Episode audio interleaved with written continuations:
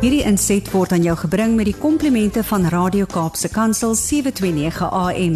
Besoek ons gerus by www.cape pulpit.co.za.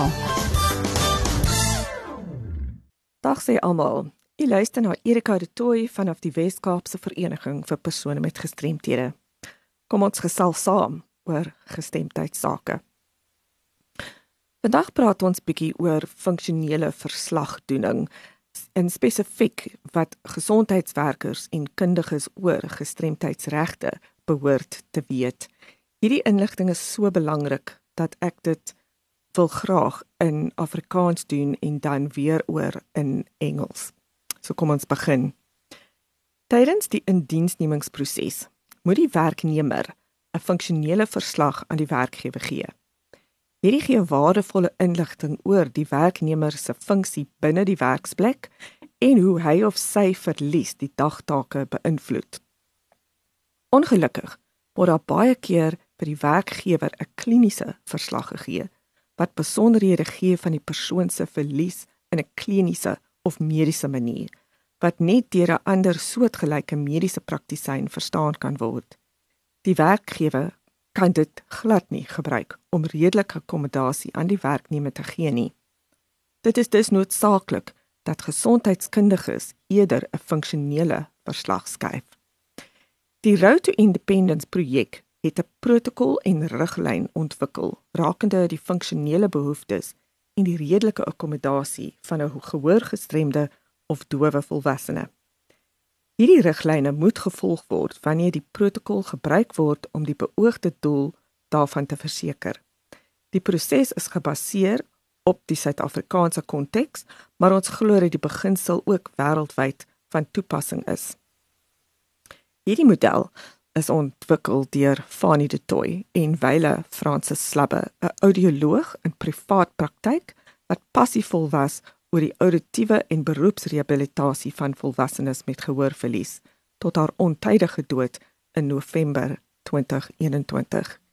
Hierdie projek gaan voort as deel van haar nalatenskap en in haar nagedagtenis deur Fanie de Toey, 'n volwasse basiese onderwyspraktisyn en gestremdheidsreg te kenner met meer as 30 jaar persoonlike ervaring van gehoorverlies en gestremdheid.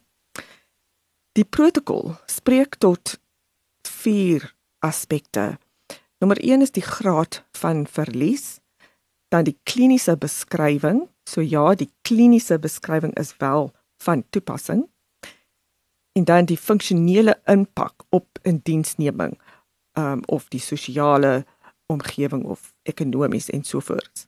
En dan laastens die aanbevole bestuur in terme van in hierdie geval gehoortoestelle, hulpmiddels, menseregte, toegang tot die omgewing, dienste en produkte in ooreenstemming met die Verenigde Nasies se konvensie oor die regte van persone met gestremthede.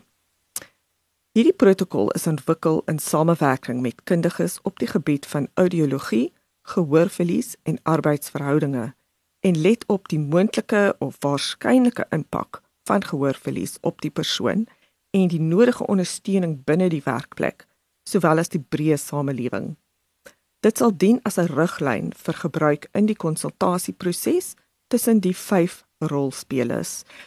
Eerstens het ons die individu met gehoorverlies en dan het ons hulle audioloog of ENT spesialis. Derdens het ons 'n verteenwoordiger van die gestremdheidssektor, 'n deskundige oor die impak van gehoorverlies soos vroeër geskryf in die wet op gelyke indiensneming die kode van goeie praktyk en lignede en so aan. Vierdens moet daar 'n verteenwoordiger van die toepaslike instansie, werkgewer, voornemende werkgewer of so van die individu met gehoorverlies.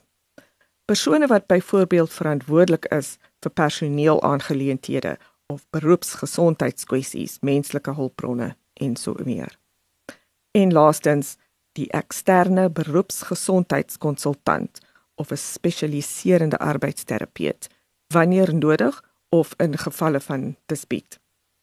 Hierdie model kan slegs gebruik word wanneer al die boongenoemde rolspelers in konsultasie is.